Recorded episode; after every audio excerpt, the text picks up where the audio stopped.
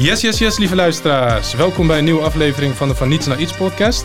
Vandaag gaan we in gesprek met uh, Touria Oet. Touria is bekend van haar uh, acteer- en modellenwerk. Zo heeft zij onder andere in uh, Costa en uh, Shushouf Habibi gespeeld. Uh, zij is ook model geweest voor onder, voor onder andere Replay en Tommy Hilfiger. al snel wordt Nederland te klein voor haar en verhuist ze naar Amerika. Waar ze naast haar modellen- en acteerwerk een mooie onderneming opzet. Met uh, deze onderneming uh, zet zij verschillende grote merken uh, op de kaart.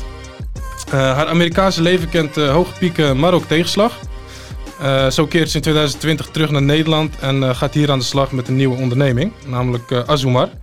Azumar is een mode, lifestyle en kunstplatform voor de sophisticated vrouw. Al met al, lieve luisteraars, een bijzonder verhaal. En uh, ja, wij horen daar graag meer over. Dus ik denk dat het tijd wordt dat uh, Touria ons meeneemt uh, naar het begin. Zo, Als ik me nog het begin kan herinneren. ja, nou, we gaan, we, gaan, we gaan ons best doen om je daarbij te helpen. Maar uh, welkom Touria. Dankjewel. Hoe gaat het? Ja, goed. Goed? Ja, nu ik hier warm zit wel. Ja, goed zo. Het, het regent buiten. Beetje te warm, is, maar dat is weer een ander verhaal. En het is ook nog eens, we zitten te in spanning te wachten tot, uh, tot de nieuwe maatregelen ja. worden aangekondigd. Maar uh, hier is, uh, is volgens mij alles goed. Ja, hopelijk wel, ja. Toch? Nee, we zijn heel benieuwd naar, naar jouw verhaal. En um, ja, we beginnen vaak met inderdaad, wat, wat wilde je worden toen jij, toen jij klein was? Toen weet ik je dat nog? was, ja. Ik zit echt te denken wat ik wilde worden. Ik weet, ik herinner dat ik heel veel verschillende dingen wilde worden. Ik zat toen, toen ik klein was, ik op turnen. Mm -hmm. En... En dan moest ik ook professioneel turnen. Dus op zaterdag zag ik mijn vader altijd kijken. En dacht ik, ik ga een turnster worden. Mm -hmm. en um, daarna, ja, daarna is het toen dacht ik, nou, nee, ik wil een danseres worden. Want dan ga ik naar ballet. Weet je, een beetje in die richting. En uh, naarmate ik groeide, dacht ik, nee, ik wil toch wel iets anders gaan doen. En toen was ik echt heel erg, uh, hoe zeg dat, intrigued in uh, kinderpsychologie. Zo. Toen je klein was? Ja, toen ik, toen ik klein was. Ik dacht, ik wilde altijd kinderen, andere kinderen helpen. Ik was echt zo'n helper, ben ik nog steeds. Mm -hmm. um, dus dacht ik, later als ik groot ben, dan ga ik iets met psychologie doen. Mm -hmm. Of iets als een dokter, dat vond ik altijd wel leuk. Uh, daar is niks van terechtgekomen, maar... en hoe oud was je toen je deze gedachten ja, had? die gedachten had ik wel wat later hoor. Dat is 14, 15. Oké. Okay. Okay. Um, dat ik na je turncarrière? Ja, na mijn, na mijn turncarrière. ik, ik wist wel dat ik wel iets serieus wilde doen. En het moest echt iets zijn met mensen helpen. En Ja. om, het ander, om een ander goed te laten voelen. Ja, ja, ja. Nou, mooi dat je dat op, uh, op zo'n jonge leeftijd Ja. al, al weet. Dat En- komt door mijn vader hoor. Dat komt door je vader. Ja, want die zat in het maatschappelijke werk. Dus daar ben ik echt mee opgegroeid. Ja. Die hielp toen, eh, in, ja, die heeft andere dingen ook gedaan, maar altijd eh, probleemjongeren. Dus ik denk omdat ik daarin zo als kind meegroeide, Ja. dat het bij mij ook daardoor eh, ontwikkelde. Ja, ja, ja. En hoe was je op school? Op school, ehm, ja, hoe was ik op school? De vakken die ik leuk vond, was ik Mhm. heel goed in. maar als ik niet iets leuk vond, dan ging, weet ik nog dat ik altijd helemaal achterin ging Oh. zitten. En mijn eigen ding ging ik altijd schrijven of tekenen. Ja, ja, ja. Eh, Wat, wat was je lievelingsvak? mijn lievelingsvak was talen. Talen. Dus daar, Ja. zat je wel, daar zat je wel voor En tekenen, denk ik. En tekenen. Ja, Als dat een vak is op de Ja, is ook Ja, een vak. zeker. Art. Ja, zeker. zeker. Ja, ik bedoel meer op de basisschool. Is dat nog geen vak, toch? Of Hij is hier geen dit, vak, hè? Nee, maar dit is al de middelbare school, toch? Oh, oh, ja, oh, oké, je hebt toen middelbare school, ja. Ja. Nee, je hebt wel, je hebt wel een vak eh, tekenen of tekenen Ja. of... eh, Ja, hey, eh, naam. wat was dat ook? Wat, handarbeid. Was ja, dat niet handarbeid Kunst- vroeger? kunstzinnige Kunst, vorm, Ja. Ja. vormgeving of zo. Klopt. Ja, ja. Ja. Ja, Ik was daar niet zo goed in. Nee, Ik ook niet. Nee. Ik vond het, ik vond het wel altijd leuk om met, eh, met de, de spullen die je daar had te spelen. Maar niet om daadwerkelijk maar wat niet te maken. om er echt iets van te maken. Ook omdat ik er niet goed in was. Mhm. Maar goed, eh, ieder zijn eh, talent Ja. toch? Ja. Maar, maar oké, dus daar was je goed in. En, eh, maar goed, als je die droom dokter is, dan eh, is tekenen en taal misschien niet voldoende. Nee. Dus dan moet je ook bij biologie en wiskunde Moet je, ja, en zie je, biologie vond ik weer niet leuk. Oh, kijk. Omdat er waren de dingen, ja, je moest dan toch dingen gaan experimenteren en zo. En ook met eh, biologie is ook heel veel rekenwerk. Ja, En dat vond ik, en rekenen ben ik helemaal niet goed in, dus dat vond ik helemaal niks. Ja. Dus vandaar, ja, ik kon ook geen dokter worden. ja, ja, ja. ja, ja, ja. Nou, en, hoe heeft, en hoe heeft dat dan zich, zich ontwikkeld?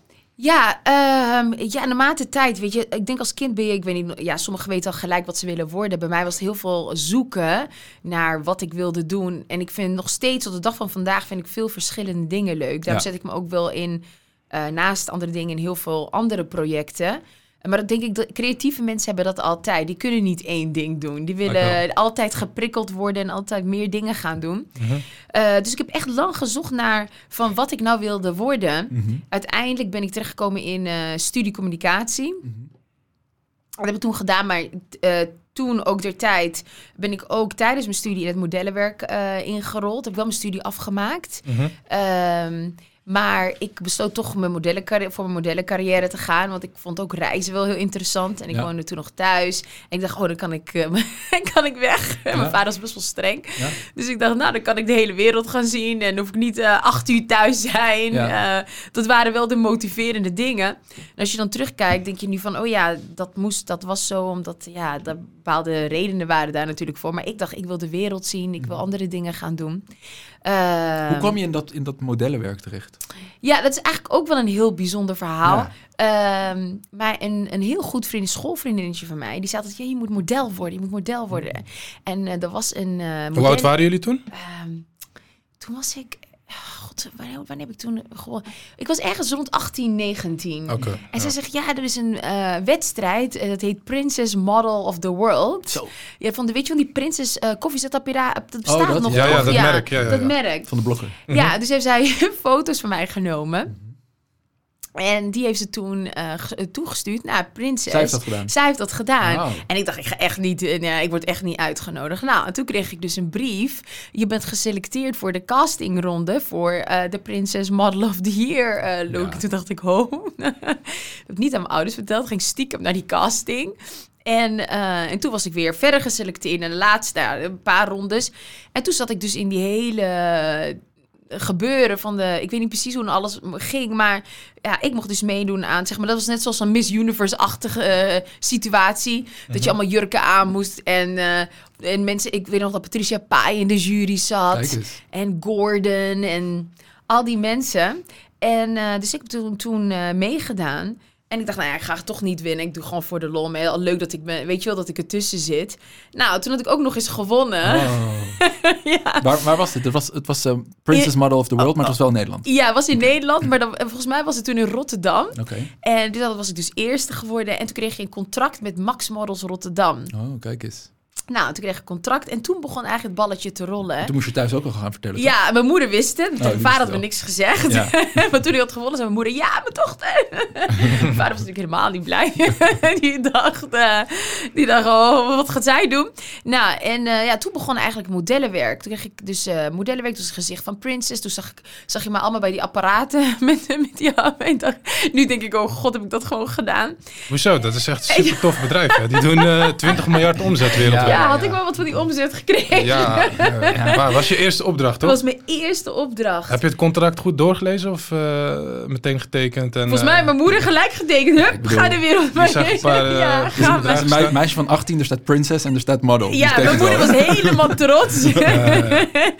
nou, en toen ging het eigenlijk best wel snel voor mij. Ehm, toen kreeg ik heel veel werk ehm, in Nederland. En toen kreeg ik al heel snel een contract met eh, Elite Models Parijs. Mhm. Toen ben ik al snel gaan verhuizen naar Parijs.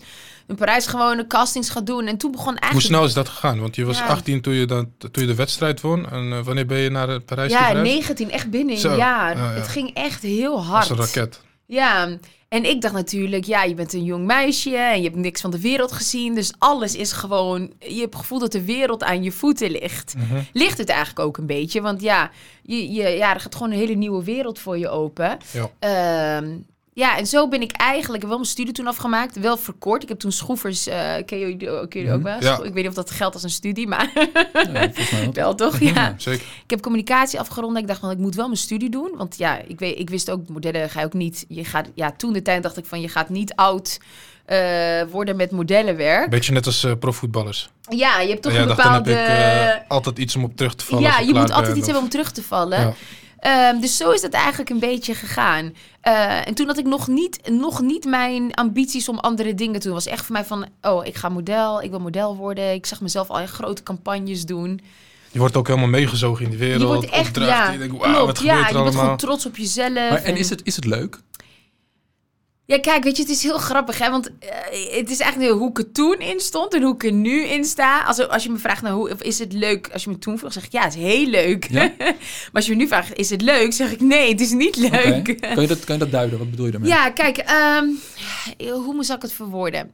Stel, als ik, ik heb zoons, maar ik, tegen mijn zoons zou ik hetzelfde zeggen. Als ik een dochter zou hebben, zou ik er alles aan doen om haar niet de modellenwereld in te gaan. Niet omdat ik, kijk, ik zeg altijd tegen je kinderen, die moeten ze opvoeden, ze moeten vrije keuze hebben, maar je moet ze wel leiden.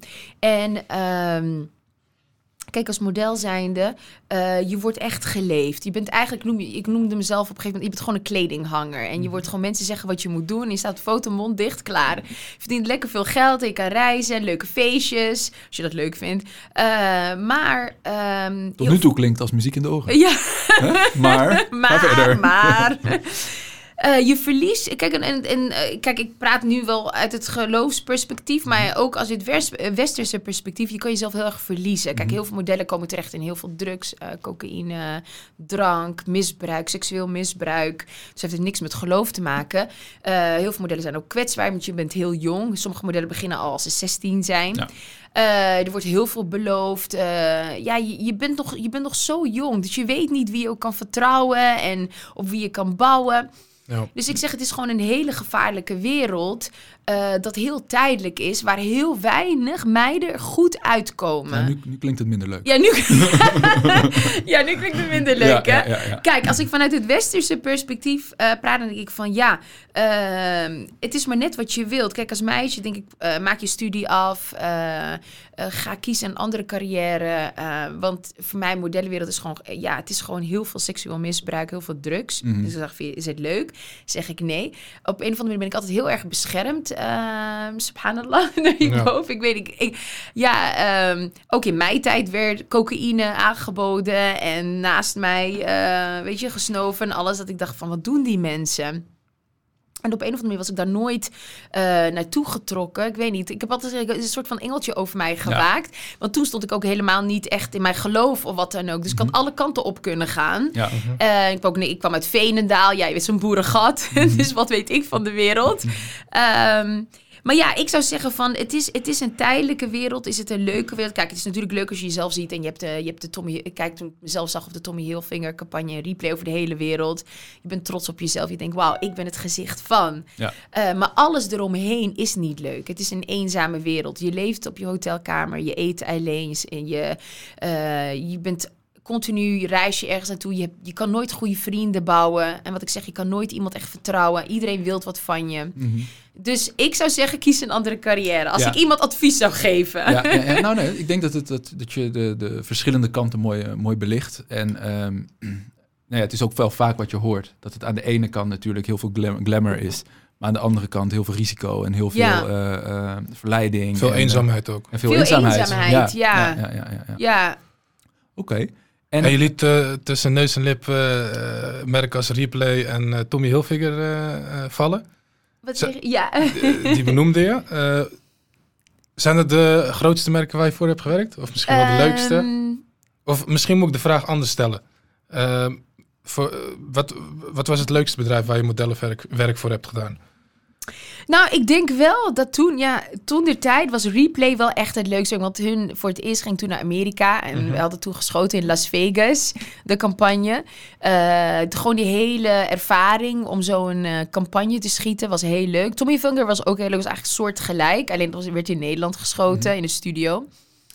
Eh, maar ik moet toch wel zeggen, als ik kijk naar leuk, dan was Italië mijn leukste tijd in Milaan. Voor de Italianen werken, want die zijn gewoon altijd blij. En eh, die hebben ook gewoon plezier in hun werk. Ik heb toen ook heel veel commercials in Italië gedaan. Ik Ze moeten niet- wel eerst koffie hebben in de ze ochtend. moeten wel koffie hebben en ik ook, dus dat komt goed uit. Altijd espresso.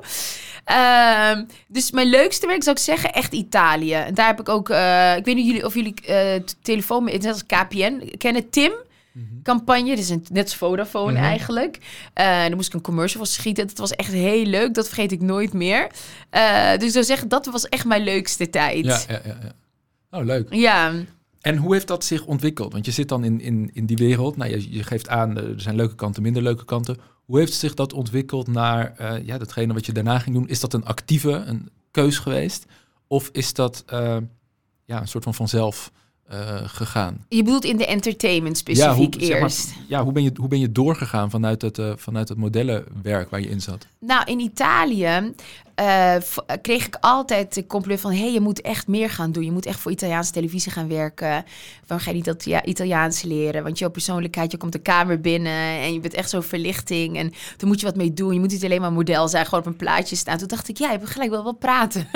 ik, wil wat, ik wil wel wat zeggen. En toen begon ik commercials te doen in Italië. Toen dacht ik, dit vind ik veel leuker. Ik wil ook wat te zeggen hebben, want het model staat gewoon stil. En je staat gewoon foto's te nemen en that's it. Toen dacht ik, weet je wat? Ik ga gewoon in Nederland, ik ga me inschrijven op castingbureaus. Ik ga gewoon uit. Ik ben sowieso, daar zat al die ondernemerschap. Maar ik ga uitzoeken wat het grootste castingbureau is. En dan ga ik me laten inschrijven. En dan hopelijk eh, krijg ik eh, rolletjes. Eh, nou, eh, fast forward. Ik heb me ingeschreven bij Hans Kemmenaar Casting toen der tijd. Bestaat volgens mij ook nog. En ehm, ik weet niet hoe... ehm, maar Gordon zat dus bij die hele Princess ding. En ik weet niet hoe dat toen... Dat is echt zo lang geleden. Maar op, e- Gordon had mij gecast voor zijn videoclip eh, Caminando. Dat was een muziekvideo waar ik in speelde. En dat was mijn eerste acteerklus. En dat is echt een heel grappig nummer was dat. En toen dacht ik, oh, dit vind ik wel heel leuk. Eh, en toen heeft hij me eigenlijk een beetje geholpen eh, om mij voor te stellen aan de eigenaar van Kemna. Als Hans Kemna. En hij was eigenlijk een beetje mijn mentor geworden. En hij heeft mij geholpen aan mijn eerste ronde. Volgens mij was het toen de tijd in goede tijden, slecht tijden. Dat echt zo'n rolletje waar ik één zin mocht zeggen. en daaruit kwam Costa. Dus hij pushte mij echt. Want ik was ook toen de tijd ook het enige... Ik denk dat ik ook het enige Marokkaanse meisje, zeg Oh ja. maar... was in Nederland die eh, begon met tv. Ik weet niet of er iemand anders... eh, Ik ook niet. Volgens mij niet. Nee. Eh, en eh, toen, ehm, ja, en toen kwam ik Costa. En ik weet niet hoe ik toen eh, kreeg van, ja, toen kwam die film Shushu Habibi. Eh, en toen speelde ik daar in uh. Toen moesten ze dus een Marokkaans meisje hebben. Ik had altijd wel getypecast. Grote rol, ja, ja, ja. maar wel een grote rol toch binnen Ja. de film. Dat was echt mijn grootste acteerklus. Ja. Mhm. Eh Shushu Habibi. Grote hit ook. Grote hit ook. En eh, toen dacht ik, dit vind ik wel heel leuk. Eh, en dit wil ik doorzetten. Ja. Ehm, het was ook meer van, zat je niet echt, weet je, in de wereld van gevaar in mijn hoofd. Van, weet je, je hebt toch controle over je eigen leven. Want wat voor, wat voor leven is dat? Weet je, het leven van een model, van een, van een actrice. Want je hebt, het is niet dat je opstaat en je denkt, nou, weet je, we gaan weer, aan, we gaan weer werken vandaag. Nee, Want je hebt geen vaste tijden, geen vaste opdrachten. nee. Hoe, hoe, hoe is dat? Kan je ons daar een beetje... Je bedoelt je dagen? ja, je dagen, je planning, je, hoe ziet je, je leven eruit? Nou, kijk, als model ben je gewoon elke dag ga je castings doen. Dus elke dag ga je, word je... Nog wel elke dag? Ja, bijna elke dag. Niet alle modellen, maar voor mij toen het was heel heftig. Elke dag moest ik ergens naartoe met, het, met, toen met de trein Ja. Mhm. om je boek te laten zien, casting te doen. Vond ik ook niet leuk. Ehm, met tv doe je heel veel audities, Mhm. maar niet elke dag. Het is gewoon je, ja, je managementbeltje. Ehm, er is een casting, je gaat een casting doen en is het afwachten. Maar je zit wel elke dag op die telefoon te wachten van, Ja. kan ik door? Eh, eh, dat en op een gegeven moment kennen ze je ook, toch? op een gegeven dan gaan moment kennen ze je ook, keer, ja. Kijk, het is, ja, als je begint is het heel anders. Dan moet je jezelf nog heel erg bewijzen. En dan moet je echt castings gaan doen. Maar op een gegeven moment begint het allemaal voor mij lopen. Ook met modellenwerk van, ja, je bent het gezicht van iets. Dus mensen willen je dan, dan krijg je ook gelijk directe bookings. En dan zeggen Mhm. van, oh, wij willen haar. Maar als je dat gezicht is van Replay of van Tommy Hilfiger. En met tv is het in Nederland is het natuurlijk een klein landje. Mhm. Dus dan op een gegeven moment word je gevraagd. Eh, maar in Nederland, kijk, daar, daar begint het eigenlijk mijn PR-verhaal. Toen is dat, dacht ik van ja, oké, je kan, en ik weet, eh, je moet me niet vragen hoe dat dan is ontstaan. Misschien mijn communicatiestudie of wat dan ook. Maar ik dacht, oké, er zijn heel veel acteurs en actrices. Maar ja, hoe zet je jezelf nou op de markt? Hoe word je een, eh, een gewild persoon? Dat iedereen over jou gaat praten en iedereen jou wilt. Ja. Nou, toen begon mijn brain al te werken van ja, ik kan wel rollen gaan doen. En, eh, maar ja, er was ook best wel, ja, mag ik misschien mag ik het helemaal niet zeggen. Mag Toch, zeggen. Ja, discriminatie, hè? Het was altijd de, de, hoe te zeggen van, mag je ook niet meer zeggen van de excuus eh, Mhm, eh, zwarte persoon. Ja, ja. Ik was de excuus zwart, zwart Marokkaans meisje Ja, die ja, ja, gecast werd. En ik dacht, dat vind ik helemaal niet leuk. Ik ben gewoon, kijk, mijn moeder is Macedonisch, mijn vader is Marokkaans. Ik ben in Nederland geboren. Ik voelde me gewoon een wereldvrouw. En ik dacht, ik, wil, ik, kan, ik kan alles zijn. Ik kan Latina spelen. Ik kan, waarom moet ik alleen maar gecast als Marokkaanse? Mhm. Toen dacht ik, ik moet mezelf echt gaan branden. Mhm. Eh, en dacht ik, hoe ga ik dat doen? Grote spijt van mijn leven. Maar ik dacht, hoe...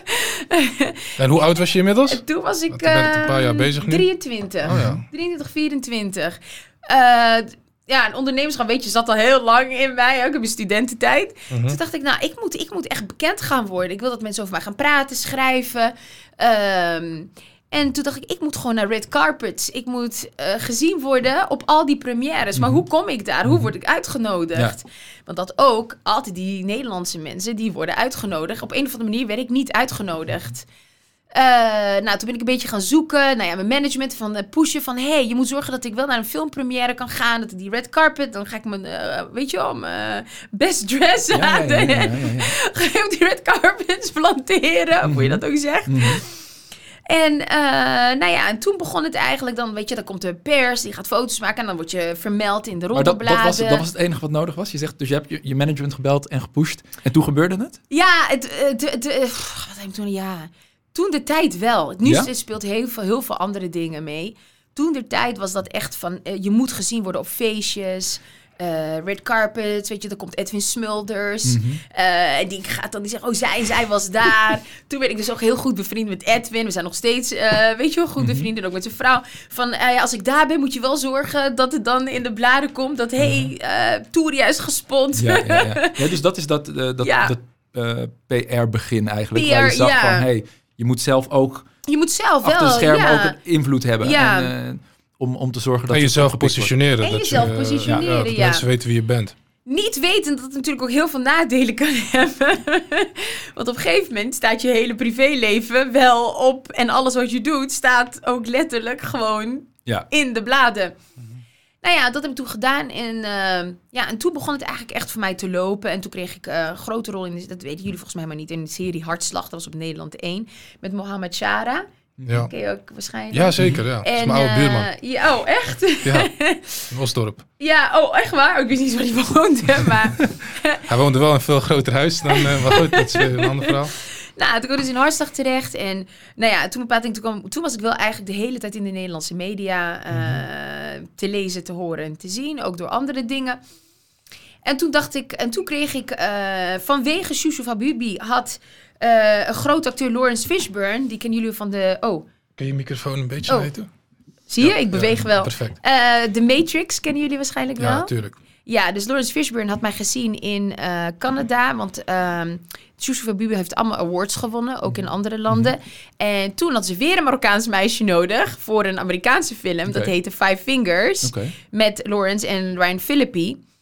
Nou, toen hebben ze mij uitgenodigd om een Lee casting te doen. Oké. Ehm, toen ben ik daar een casting gaan doen. Toen heb ik de, ja, de rol eh, gekregen eh, om de fiancé, eh, verloofde van Ryan Philippi te spelen in Five Fingers.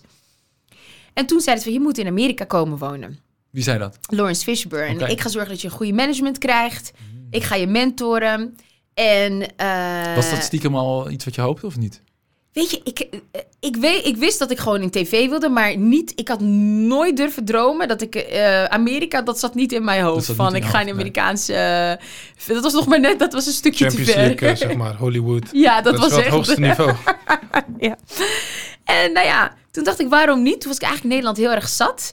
En vanwege alle roddelbladen en alle pers dacht Mhm. ik, weet je wat? Ik vind het wel lekker om een jaar gewoon weg te gaan. Niemand kent mij daar. Ik kan gewoon lekker opnieuw beginnen. Heb ik letterlijk twee, ik twee koffers eh, ingepakt. Ik ben naar Amerika verhuisd, naar L.A. En ik had letterlijk niemand. Gewoon, ik zat in een appartement. Eh, Lawrence was mijn mentor. En ik ging audities doen. En nou ja, eh, toen vond ik als heel snel, binnen zes maanden dacht ik van nee, dit is niks voor mij. Dat was nog erger, een sneller Ja? gebeuren van je ziel verkopen. Herinner je je eerste auditie Eh, ja. daar? Ja. Weet je nog wat het was? ja, dat was voor ehm waar die films met eh, Tom Cruise. Eh, Mission Impossible. Mission Impossible. ja. Oh, Zo, zet- zet al gelijk hoog in. Dat is wel gelijk een van de ja, beste. Ja. Ja. ik heb wel. Ik had, ik had toen wel. Ja, omdat ik heel. Ik zeg maar, ik werd begeleid door hem en ik zat bij een hoge management. Ik, had, zat, ik kreeg wel hele goede castings. Mhm. Maar mijn nadeel toen was dat ik een heel erg dikke Nederlandse accent had. Oh. Dus ik eh, praatte me- mijn Engels en zij dachten. zij lijkt op een Latina, maar ze heeft een echt een Nederlandse accent. Dus dat was heel verwarrend. Dus elke keer liep ik een rol mis vanwege mijn Nederlandse... Oh, de, dat zeiden ze ook wel. Ja, dus dan kun je een beetje meer Spaans... Beetje meer dan eh, Salma oh, ja. Ja, nou ja, dat zat er dus helemaal niet in. Ja, ja, ja, ja, ja. Dat zou ik nu wel kunnen. Toen kon ik dat niet. Ja. Ehm, Dus dat Veenendaalse accent, dat zat er nog niet ja, in. dat zat er wel in hoor. Dat Nederlands hoorde je wel. Ehm, en ja, maar ja, binnen zes maanden dacht ik van dit is ook niks voor mij. Maar toen ja, leerde ik mijn eh, ex-man kennen. Mhm. En eh, toen was ik al vrij snel getrouwd en alles. En toen kreeg mijn leven eigenlijk heel snel een omslag. Ja. Van het acteren naar het niet acteren. Ja, ja, ja, ja, ja. En toen dacht ik van dit wereldje is ook echt niks voor mij. Allemaal snelle auto's en eh, gewoon foute mensen. En eh, toen wilde ik eigenlijk teruggaan naar Nederland. Toen dacht ik van nee, nee ik ga wel naar Nederland. Mijn veilig, eh, Ja. toch mijn vader, mijn moeder daar. En Mhm. het is toch rust in Nederland gebeuren dat soort dingen allemaal niet. Ja, doe maar normaal. Doe, Ik doe gek normaal, doe je gek genoeg. Toen, dan, toen verlangde ik daarna. En toen leerde ik dus mijn eh, ex-man kennen. En eh, toen dacht ik, weet je wat, ik wil eigenlijk, ik wil, eh, hij was ook op zoek, nou ja, op zoek, hij wilde ook settelen en echt, ja, is ook Hij was er ook aan toe. Hij Ja. was er ook aan toe, dacht ik van, ja, we willen eigenlijk hetzelfde, Fam- eh, family life. hij was al, ja, veel meer established dan ik daar. En ik dacht van... Als acteur. Als acteur, Mhm, ja. Ik zag echt mijn leven gewoon voor me van trouwen, oh, kinderen en gewoon thuis blijven. Ja. ik dacht laat me met rust, ik ga wel huis inrichten Ja, ja. eten koken. eh, en hij kan gewoon zijn werk doen. En ik kan gewoon mijn ding doen. Mhm. En toen ben ik dus gestopt met... Ik ben echt gewoon abrupt gestopt met Ja. alles. Mhm. Ehm, en me echt gaan richten. We woonden toen ook al heel snel... We zijn heel snel verloofd. Binnen zes maanden verloofd ook. En binnen dat jaar ook gewoon snel getrouwd. En ik was na twee maanden al zwanger. Mhm. En ik dacht van, dat was het. Eh, ik voel ook als het een soort, toen al ook een soort van redding was. Weet je, subhanallah. En redding was van, ik haal haar hieruit. En ik zet haar in een andere Setting. noemen ze, eh, fase in haar leven. Ja. Ja, ja. En, ehm, en toen dacht ik, weet je wat, ik heb dit lang genoeg gedaan. Het hoeft van mij niet meer. Ik heb geen zin meer in castings en al die mensen en al die... Gewoon lucht noem ik het. Ja, ja, ja, ja. Eh, toen was al een soort van transitie voor mij begonnen in het eh, Ja. veranderen van carrière. Mhm. En toen? En toen... nou, en toen kreeg ik mijn eerste kind. Moet jij geen vragen stellen? Ja, nou ja, ik, ik ben eigenlijk wel benieuwd naar, want we zitten nu al in, eh, in, eh, in Amerika. Terwijl ik weet dat je in, in, in Nederland ben je al, je noemde het net ook al, met ondernemen begonnen. Ja, Je had al wat ondernemerservaring. Wat, wat heb je in Nederland voor, eh, voor, voor, voor bedrijf gestart of wat heb je gedaan? in Nederland, mijn allereerste Mhm. bedrijf was Ad for Free, een studentenbedrijf. Oké, wat, wat kan je daar Ja. meer over vertellen? Ja. Wanneer eh, was het? Dat was in Toen je studeerde, toen je Toen was het in studeerde. 1998. Ik voel me echt oud. Mhm. ik weet niet eens meer wanneer, 1996. Oké. Ik weet niet eens meer wanneer. Maar ehm, toen ken je die, boomerang kaartjes. Weet je, die op, Die- op de studenten op scholen had je toch allemaal die kaartjes en de konden adverteerders konden daarop adverteren. Ja, ja, ja, ja. Ja. Toen dacht ik, er moet eigenlijk eh, een boekje komen waar je zeg maar ook ehm, een studentenwoning kan vinden, maar dat je dan adverteerders ook in kunnen adverteren. Maar een soort van lifestyle magazine-achtig, een klein boekje in plaats van losse kaartjes. Ja. Dan kun je nog adverteren, maar dan kun je ook eh studentendingen lezen, ook verhalen of als je een fiets wil verkopen. Dat student, dus eigenlijk kunnen studenten er ook in communiceren. Dat was mijn eerste bedrijf eh, Mhm. Ja, in ja, Nederland. En dan verkocht je, eh, dan verkocht je advertentie? Ja. Of nee, ja, ja, je, Ja, advertentie, Ja. advertentieruimte aan. Advertentieruimte. aan je, Aan je klanten. En wie, en wie waren je klanten dan? Ehm, pff, ik weet nog dat eh, volgens mij toen de tijd ook Radio 538 had Oh ja. geadverteerd. Eh, ik weet echt, we benaderden toen echt zoveel bedrijven. Het was gewoon echt koud bellen als telemarketing. Van, Mhm. hey, wij zijn ad for free. En eh, het boekje zit zo. En wil jij studenten bereiken, dan is dit nu je Ja, kans. ja, ja. Nou ja, slim. En leuk? Ja, het was, het was eigenlijk heel leuk, want daar heb ik eigenlijk ook echt geleerd van eh, dat je gewoon uit het niets iets kan doen. Je Ja. hoeft helemaal niet, zoals Steve Jobs zegt, soms moet je, denken we te veel na over dingen. Maar soms moet je gewoon dingen doen, zoals jij zegt op die podcast. Gewoon in het diepe springen en gewoon doen. En je ziet wel waar het je naartoe leidt. Je leert wel along the way, ga je wel leren hoe je iets moet doen en hoe Ja. je het moet uitvoeren. Ja. En je moet ook durven vallen en opstaan. Maar dat is met alles zo. Ja. Dat vind ik ook in persoonlijke leven. Als je niks durft, dan, ja, dan weet je nooit hoe het is als je aan de andere kant staat. Nou, Steve, Steve Jobs zegt ook heel erg van je moet het proces vertrouwen.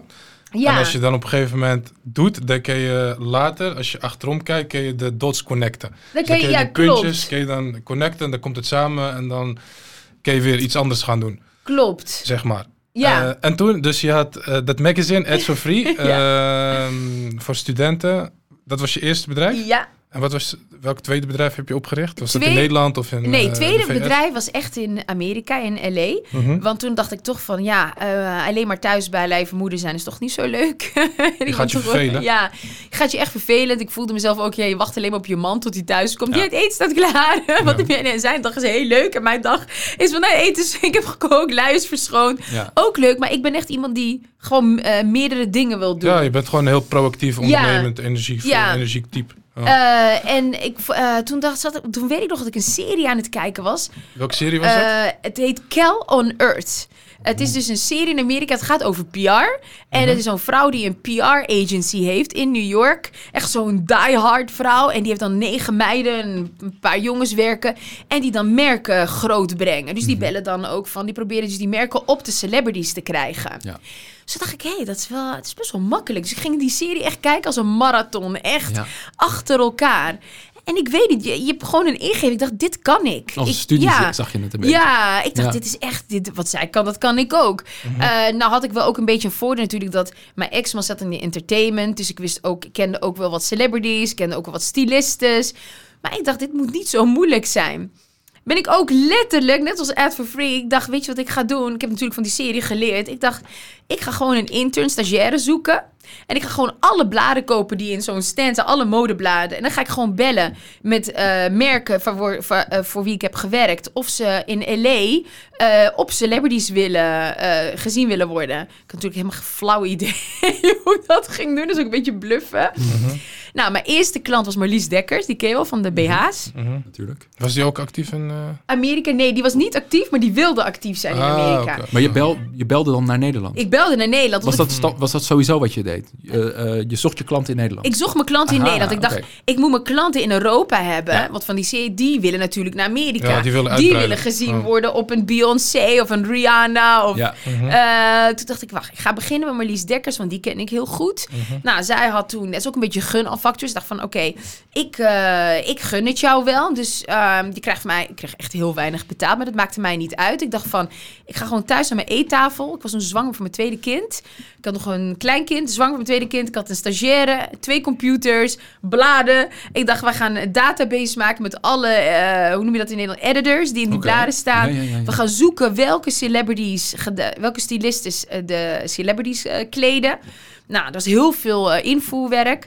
En, ehm, en zo ben ik begonnen. Nou, ehm mijn, mijn Marlies Dekkers, ik zit echt te denken. Dat is ondergoed, toch? Maar Dat is ondergoed. Dus dat zie je toch niet op de...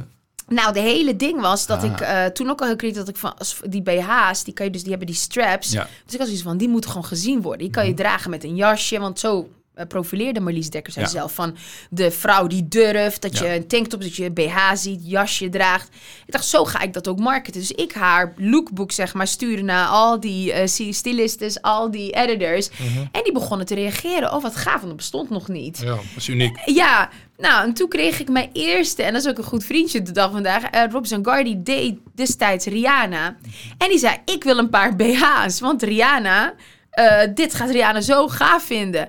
Nou, mijn eerste eh, view was dus Rihanna draagde dus die BH's. ja? Nou, en toen begon het gewoon als een speer te lopen. Ja. Lady Gaga wilde het, eh, Beyoncé wilde het, Katy de Marlies- Perry. De Marlies Dekker. ja. Oh, ja. dus dat merk... eh, Waarom wilden ze het? Omdat Oh, het zo ik uniek vond was. het gewoon zo uniek. En al die celebrities wilden gewoon met een BH optreden. Ja. Want hij had ook natuurlijk van die kraaltjes en zilveren. Ja. En een beetje... het was echt dat hele van, je Gewoon moet durven. Ja. Ja. en die celebrities, zoals Rihanna, je weet, is heel uitgesproken. Lady Gaga ook.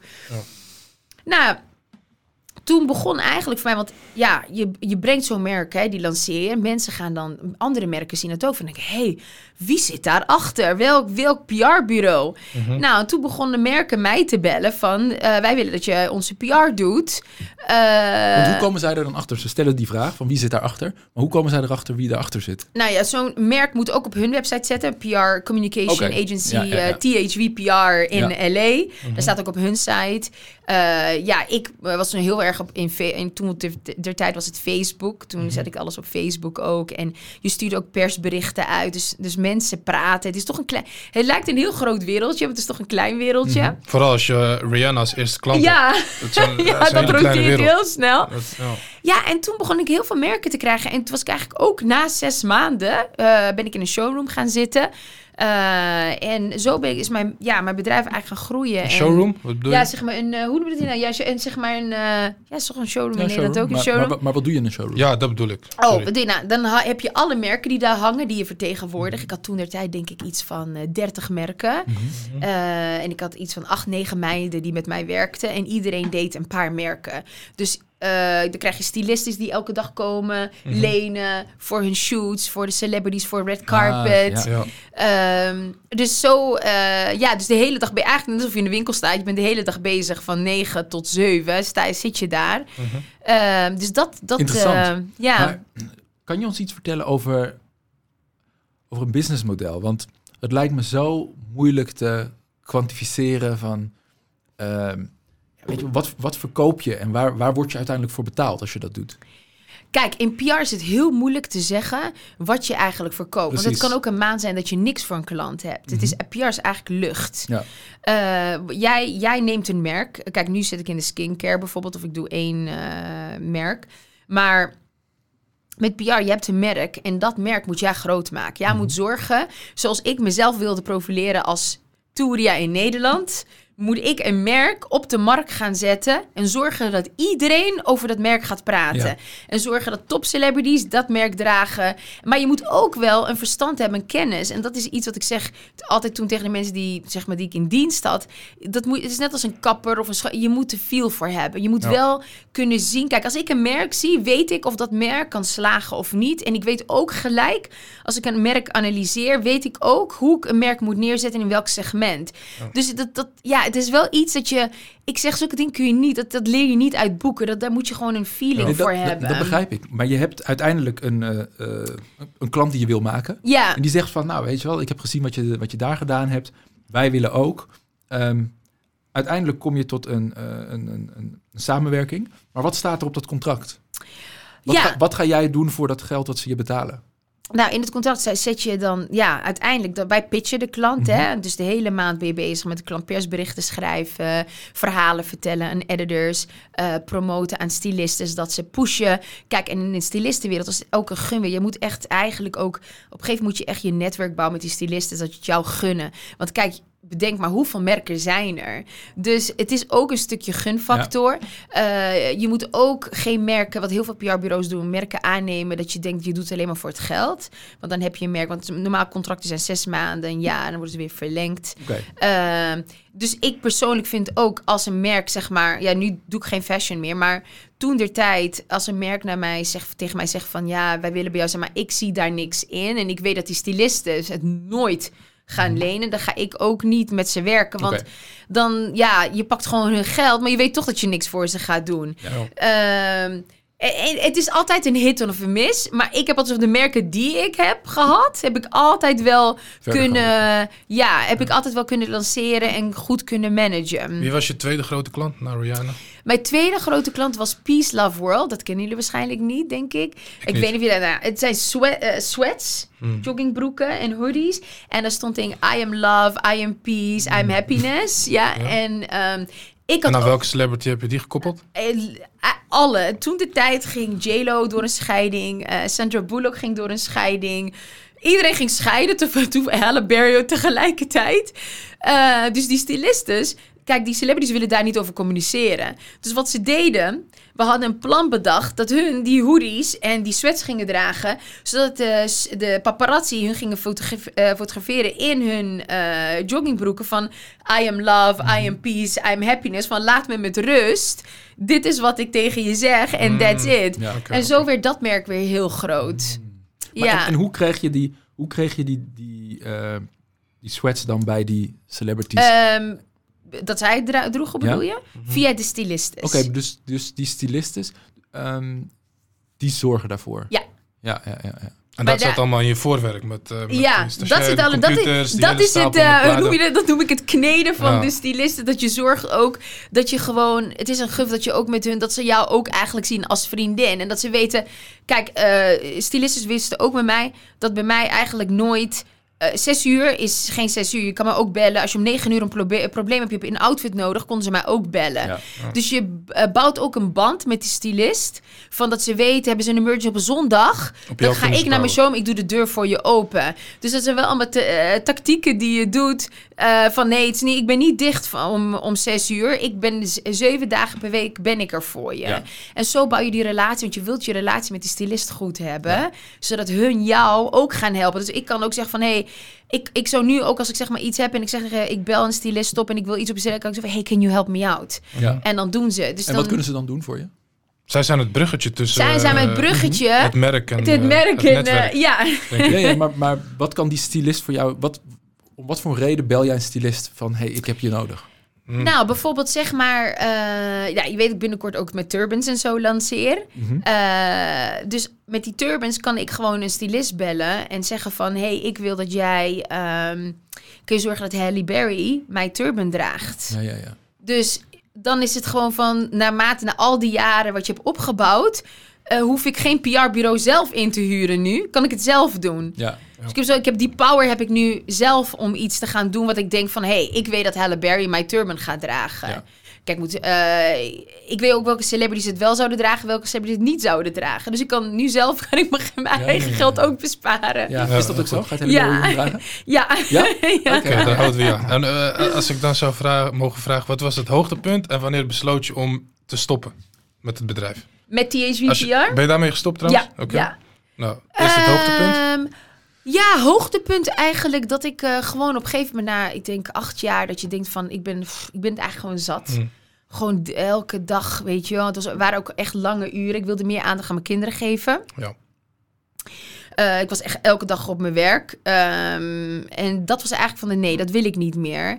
Ehm, en toen ben ik omgeslagen in de, dat kunstverhaal. En ik dacht van, ik wil even wat anders doen. Wel nog steeds een Welk beetje... in eh, volgens mij heb je dat wel. Heb ik je dat? Ik weet niet of ik je dat had gewild dat ik een eigen gallery had in LA. Een Eh, pop-up ja, gallery. Ja, ja, ja, heb ik gemeld, hè? Eh, toen ben ik dat ik heb wel mijn huiswerk gedaan, maar die is een beetje ontglipt, sorry. Ik wilde wel in dat verhaal blijven van fashion. En eh, leuke dingen doen. En met mensen contact houden. Dus dat was alweer een soort van, dat was het derde bedrijf. Dat was het derde bedrijf, Hmm. ja. Maar het was meer rustiger van... Je hoeft, kijk, dan ben je wel gewoon... Als je dicht bent, ben je dicht. Je hoeft niet... Oh, je, hebt geen, je hebt wel gewoon normale werkuren. Je hebt toch tijd met je gezin. Ik, hoefde, ik kan ook op een gegeven moment had ik zoiets van... Als ik twee dagen niet wilde komen, dan hoefde dat ook niet. Dan was er gewoon een salesmeisje die daar stond. En het is gewoon mensen die komen kopen. Ehm, dus dat was wat makkelijk. Ik wilde wat rustiger leven. En wat deed je precies met, eh, precies met de gallery? Eh, eigenlijk wat we met Azure een beetje gaan doen, dat is storytelling. Dus Mm. eh, een exhibit voor drie maanden. Dan koos ik de artiest uit. En dan rondom die artiest vertelden we het fashion verhaal. Heb Dus je een voorbeeld van een artiest en wat je dan Eh, daarmee gedaan hebt? Ja, ik, heb, ik had daar een artiest, dat heet, hij heette Timothy Goodman. En die Mhm. schreef dan op een eh, muur eh, als een artwork. Maar dat waren allemaal, eh, zeg maar, poetic Mhm, dingen. mhm. En rondom zijn verhaal bouwde ik dan de kleding. Dat was dan streetwear en sneakers. En mensen konden dan zijn dingen kopen, maar ook hoodies met zijn werk op de hoodie. Dan kon hij dat erop schrijven en dat soort dingen. En dat was op zich wel heel leuk. Eh, want je blijft toch in dat salesverhaal. Ja. Eh, je blijft nog steeds in de fashion verhaal. Ook je blijft werken met stylisten, maar op een andere manier. Maar iets meer 9 tot 5. Minder, want ja, want met, als een, ik, ik hebben een onderzoek gedaan. Hè. PR is het tweede, ik weet niet in Nederland, maar het meest stressvolle baan die er is. Na Oh ja? accountant is nummer één en publicist is nummer twee. Want je bent continu, Je staat continu aan. is dat continu, Ja. je bent ook continu. Als ik ga slapen, als ik denk, oké, wat moet met deze klant gebeuren? Deze, dan, Ja. Ja. Vaak denk ik ook omdat die merken wereldwijd actief zijn en eh, aan de andere kant van de wereld ochtend is. Wat zeg je? Hoe, Eh, tijdsverschillen wereldwijd. ja, eh, ook dat, ja, continu. Ook, ja, dat, eh, dat ben ik helemaal vergeten, maar dat ook. Je bent gewoon continu on the go. Ja, en, en je moet natuurlijk constant opletten van... hey, is er nou iets gebeurd? Ja, Je- ja je dat- bent online kijken. het is niet, dat er, het is niet dat, dat, dat er geleverd wordt op het moment dat, eh, dat we besluiten te leveren. Het is, oké, de stylisten hebben hun werk gedaan, noem maar op. En dan kijken op die, op die rode loper of op de vakantie of de paparazzi wel iets heeft Klopt. opgepakt op de manier zoals je dat wil natuurlijk. Exactly. Ja. Klopt. En daarna moet je al die media eh, bij elkaar zoeken. En Ja. dan moet je hele clipping ding maken. Dan moet het naar de klant toe. En dus je bent continu. Ja. Er zit heel veel tijd in. Er zit heel veel tijd Ja, ja. in. Dus mensen denken PR leuk. Ja, het is ook leuk. Maar het is maar vijf minuten glamour. En eh, Heel veel voorwerk. ja. En na, naslagwerk. Eh, en op een gegeven moment heb je de gallery. Hoe lang heb je dat gedaan en eh, hoe verder?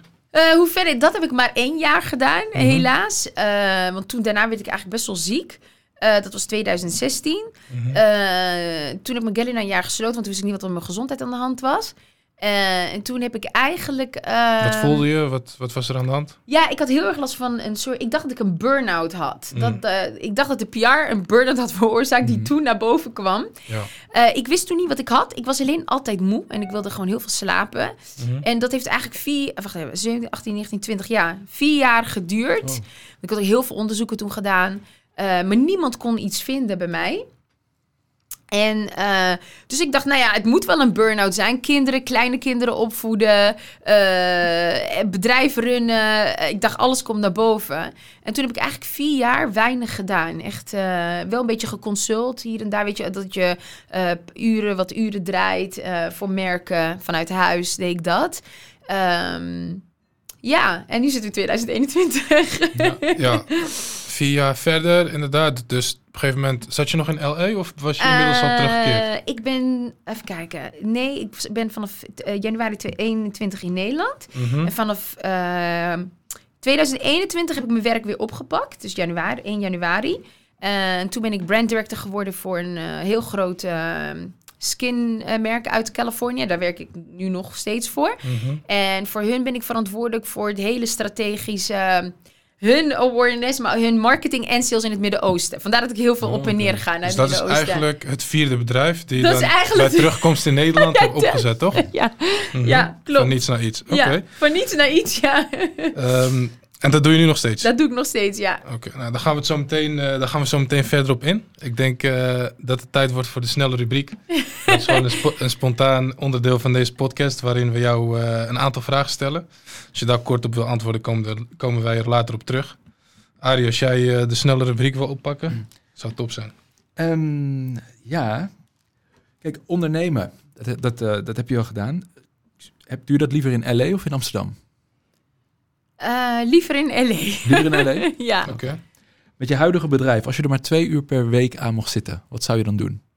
Als ik twee uur per week aan mijn huidige bedrijf, wat ik dan zou doen in het bedrijf? Ja? Ja. Oeh, twee uur is niet genoeg. Nee, daarom.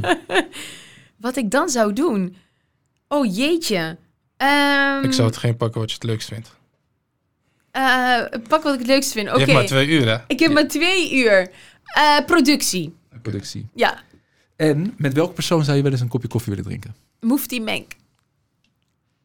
Kijk. Ja, dat is, ik zie Arie al denken van wie is dat? Maar voor mij een bekende. Ja, vertel eens. Mhm. Want eh, waarom die Menk?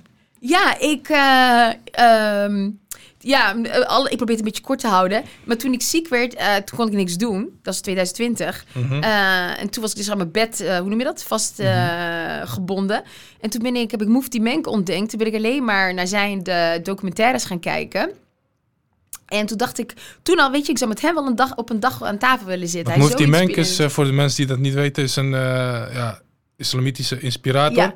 Een, eh, ja, hoe zeg je dat? Keynote speaker. Ja, Die in het Engels eh, alles eh, makkelijk probeert uit te leggen. klopt. ja, Voor Arie. voor Arie. Ja, nou, we, ik ga hem zeker googlen. Sorry, ga verder. Ehm, ja, met hem zou ik dus aan Uh-huh. tafel willen zitten. Oké. Kopje koffie. Wat zou je hem En- willen vragen dan? Ja, pff, echt van alles en nog wat. Ik denk van a- eigenlijk Even- van alles. eh, eh, ja, kijk, we zijn allemaal mensen. Hè? Je hebt soms eh, eh, ja, hoe je dingen aanpakt. Weet je, als je eh, een moment hebt, want je hebt ook van momenten dat je dingen wil opgeven. Denkt, ik heb geen zin meer in. Hoe kom je daar doorheen? Of als je eh, tegenslagen, hoe ga je daarmee om? Eh, pff, ik, zei, ik heb echt een heel waslijst aan vragen aan hem. Ja, ik zou ook wel een eh, kopje koffie Ja, met toch? drinken. Absoluut. En ehm, ja, ondernemen in LA of Amsterdam? Jij geeft aan eh, op dit moment, denk ik Amsterdam. Ja, En ehm, Nee, maar je gaf aan LA, Je toch? gaf aan Ik LA. ga van LA. Ja. Ja. Maar om, ik, ik zeg op dit moment Amsterdam, maar eh, dat zeg ik omdat ik weet dat je daar nu bezig bent. Maar waarom zeg je LA? Nou, kijk, LA is toch de. Kijk, ik vind het heerlijk om in Amsterdam te zijn, maar de werkmentaliteit van de Amerikanen, vooral LA, mensen zijn daar toch wel echt open voor alles. En ik heb zoiets van als ik.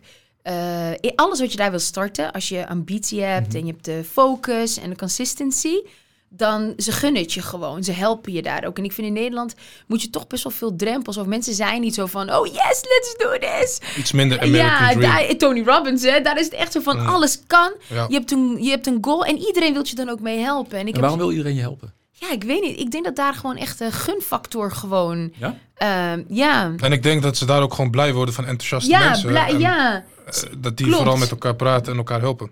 Ja, dus je hebt heel veel mensen die vinden het geweldig dat je ondernemend bent en alles kan. En de, sky is niet de limit daar. En hier is de sky wel de limit. Ja. En daar mag je heel veel fouten maken. En Sterker nog, ja. als je fouten maakt, tel je daar pas mee. Volgens mij, als je vijf keer failliet bent gegaan, ben je ja, echt, dan eh, ben je echt... ben je de eh, master en hier eh, word je meteen afgeschreven en dan eh, hoef je nooit meer terug te komen. Maar ik snap het wel. En de zon schijnt natuurlijk. En de zon, Acht, dat, dat mis ik wel, ja. Ja, ja, ja, ja. Het is natuurlijk een woestijn daar. Tenminste, een woest- Ja, het beetje is een een soort van woestijn, ja. Maar je bent, nu, je bent nu wel aan het ondernemen in, eh, in Nederland. Ja. En eh, ja, hoe gaat dat? ja, hoe gaat dat? Er zijn meer Ehm, drempels dus dan in, eh, dan in LA. Ja. Maar goed, daar kan je als ondernemer ook wel wat mee, denk ik. Ehm, ik denk, ja, ik bedoel, het gaat goed. Kijk, mijn eh, onderneming Azumar is echt een platform. Hè. Dat zal allemaal online zijn.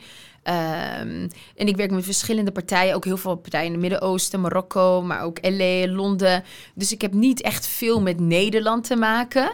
Ehm, maar ik vind het wel lekker om hier te zijn. Het is wel rustig en de basis. Alhoewel de maatregelen nu ook... eh, en geen zon. dus nu vind ik het niet erg. Want ik, ik heb wel zoiets van... Ja, kijk, ik ben snel in het Midden-Oosten. Ik kan snel naar Marokko. Voor mijn onderneming is dit wel goed. Alleen ik mis wel de sociale omgeving... die ik in L.A. had van... De, crea- de creativiteit. Ja. Kijk, want het thuis, alleen thuis, ik ben niet zo goed. Ik ben echt een teampersoon. Ik word Ja. gemotiveerd door andere mensen. Ik kan niet heel goed thuis alleen werken. Ja. Voor mij is dat heel deprimerend. Mhm. Kan je ons vertellen wat, eh, wat Azumar doet? Wat is, het, wat is het voor platform? Nou, Azumar is eigenlijk een lifestyle platform voor de modest, sophisticated vrouw. Ehm, en eigenlijk is dat ontstaan vanuit de gallery van mijn oog voor fashion en kunst en lifestyle. Eh, maar Azumar richt zich meer op de vrouw die zeg maar een eigen, die zeg maar confident is, een eigen authenticity heeft, die niet zeg maar van de hoofd, zeg maar, hoe zeg je dat, Eh, helemaal in designer eh, gekleed hoeft te zijn, maar die haar eigen wil heeft en open staat voor nieuwe dingen. Dus de, de, als een vrouw, het, het kan zijn van kleding tot mooie artwork, tot aan geuren. Maar om zo de MENA-artist eh, te supporten, dat hun ook eh, zeg maar gezien worden Ja. in de westerse wereld. Wat is een manner artist? Dus de, in de MENA-region, dus het Midden-Oosten, maar daar valt ook Marokko Ah, onder. ja. En tegelijkertijd helpt Azumar ook eh, om zeg maar die vrouwen die bijvoorbeeld dan ehm, eh, de abayas gaan maken. Die vrouwen verdienen dan ook weer geld. Die kunnen dan ook hunzelf en hun gezin onderhouden. Ja. Dus Azumar staat ook voor het teruggeven van. Ja. Oh, mooi. Ja. Hoe, is dat, hoe, hoe werkt dat platform? Wat zit er aan de ene kant en wat zit er aan de andere kant? Ehm, je bedoelt hoe het, het, het proces? Ja, ik bedoel, ehm, ehm, nou ja, je geeft al aan, dus je hebt die, die MENA artists. Nou, ik neem aan, die, die, die produceren, die, die, die maken ook de designs. Aan de andere kant heb je de modern, sophisticated Ja. woman. En hoe breng jij die met elkaar in contact? Nou, kijk, ehm, het is eigenlijk ook een beetje zelf. Je bent een visitekaartje. Ehm, dus eh, je hebt een platform en daarin breng je zeg maar alle mensen samen. De artiest, de mode. Eh, en vanuit mijn oog voor de modest vrouw. Ehm, het is eigenlijk het voor de internationale vrouw. Alhoewel ik denk wel dat mijn bereik meer gaat naar de moslima met mijn platform. Omdat het toch eh, modesty dressing is. En vrouwen toch nog er leuk uit willen zien. Maar niet, eh, hoe zou ik het zeggen? Hoe zeg je dat? Gewaagd. Ge... Ja, uitdagend misschien. Niet te Uitdagend. uitdagen. Maar toch mooi en representatief. Mhm. Eh, en door zelf daarover te spreken en open over te zijn. ehm, via social platforms. Zo trek je die customer aan. Want die vrouwen nemen weer een voorbeeld aan jou. En zo probeer ik ook weer de andere jongere meiden weer, zeg maar, als een role model voor hen te zijn van kijk, ehm, ja. Je kan je ook mooi kleden met models. Dus zoveel, er zijn zoveel mooie dingen. Ehm, dus daar is dat stukje fashion, zeg maar, erin gaat. En art is ook als je echt van Arabische dingen houdt. Mhm. Dan, en dat is natuurlijk, in- bijvoorbeeld in LA houden ze van Arabische art. Eh, dus die, die mensen zouden dat ook kopen. Ja, dus, maar dat is echt allemaal social marketing. Daar ga ik heel veel aan werken. En branding online. En, Ja. dat is dan niet één specifiek product, maar dat zijn, er- dat zijn gewoon heel veel dingen. Ja. En die twee die dan samenkomen. dan. Ja, ja, je, ja. ja, en je moet ook heel veel verhalen gaan vertellen. Want Ja. bij Azumar is het echt, je, je koopt in het verhaal. Je moet je ook voel, je moet ook, eh, je, je moet het voelen. En door het voelen wil je het. Ja. Ja. Ja, ja, ja, het verhaal voelen. Het verhaal voelen, ja. Ja. Het is een experience, zeg Ja. maar. Wat hoop, wat hoop je te, te bereiken in de komende vijf jaar met Azumar?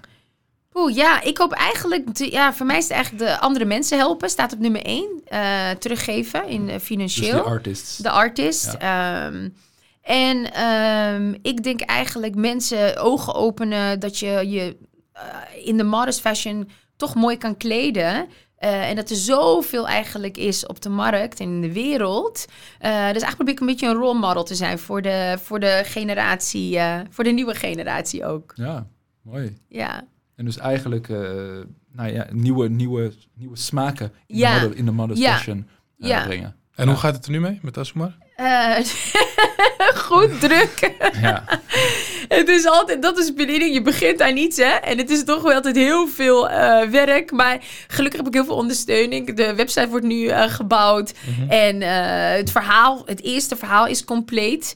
Eh, dus inshallah gaan we die launchen eind eh, januari. Mhm. Eh, dus ja, het, het, het, het loopt. oh. Ja, dus vanaf januari... eh, ja, dan kun je hopelijk Ga je- online shoppen. ja, ja, leuk, leuk. Voor de, Oké. voor de modern, modest, eh, Sophisticated. sophisticated vrouw. ladies die naar ons luisteren. Ja. Ja. Engels, Nederlands, alles door elkaar. Maar dat kan niet anders, hè? Want we zitten hier met eh mevrouw die 15 jaar in L heeft gewoond. Zeker weten. Wat een ja, echt superleuk verhaal.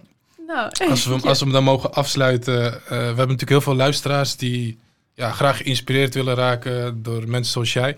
Die het verhaal achter het succes willen horen. Ups en downs. Eh, welk advies zou je aan onze luisteraars mee willen geven die misschien willen ondernemen, dat nog niet doen? Of graag iets eh, anders willen in het leven? Ehm, ik zou altijd zeggen, blijf zo, eh, gewoon wel dicht bij jezelf staan. Nummer één, heel belangrijk. Eh, en gewoon doen. Ik, ja, ehm, er is nooit, je kan, kijk, ondernemen moet je sowieso doen. Je, je krijgt nooit zekerheid. Dus je moet wel willen in het onzekerheid terechtkomen. Je, je weet niet, maar de onzekerheid ook weer leuk, want je weet niet wat je te wachten staat. En er, kan, er kunnen zoveel mooie dingen eh, uit ontstaan. Eh, ook wat ik wil meegeven, je moet het nooit voor geld doen. Natuurlijk willen we allemaal geld verdienen, dat is heel belangrijk. Maar je moet wel iets doen waar je passie voor over bent. Als je ergens passie voor hebt, dan ga je ook geld verdienen. Denk dat en consistency. Hoe meer je doet en hoe, hoe consistent je bent, hoe meer succes je kan boeken. Dat is echt mijn eh, advies aan de jonge Ja. ondernemers die eh, willen beginnen. Ja, dus je neemt een beetje risico. Dat hoort eh, bij het vak. Ja, Je doet iets wat je leuk vindt en vooral doorzetten. En, en dan, doorzetten, ja. ja en dan Dat is niet makkelijk, Ja. Maar er is niks in het leven. Nee, niks Dus- in- voor niks komt de zon op inderdaad. Nou, fantastisch. Ik eh, denk dat we hem af gaan sluiten. Voor eh, alle mensen die eh, naar deze aflevering hebben geluisterd, waar kunnen ze jou vinden? Op de socials? Eh, op mijn eh, Instagram staat niet veel op, maar Touria Hout. Ja. En Azumar. En azumarofficial.com. Oké. Ja, daar kunnen ze me vinden. Hoe gaat de nieuwe website heten van Azumar? Eh, die gaat Azumar Official heten. Heb je verder nog een andere website of iets? waar Ja, ook. Oké. Ja, Ja, heb ik ook. Die gaat ook binnenkort launchen, maar dat is allemaal in skincare. Als je eh, Voor het PR-gedeelte. Voor de PR-gedeelte. oké. Eh, maar het beste is Azumar Official. Dan kan je mee in het verhaal. Oké, nou. Super. Dankjewel. We kijken, we kijken uit naar alle, naar alle mooie verhalen. En we gaan je sowieso volgen de komende Dankjewel. tijd. We zijn heel benieuwd hoe, eh, hoe de kickstart straks gaat. Ik ook. Als Ja. we hier op lockdown gaan, dan... Ja, ik hoop dat je alles gewoon kunt blijven organiseren. Maar als we het zo moeten eh, zien en geloven, dan gaat het helemaal goed komen. Dankjewel. Inshallah. Dus eh, nou, dankjewel voor je tijd. En, Ja, dank eh, jullie wel. Graag gedaan. Wat gezellig. Ja. Beste luisteraars, ik zou zeggen tot de volgende keer.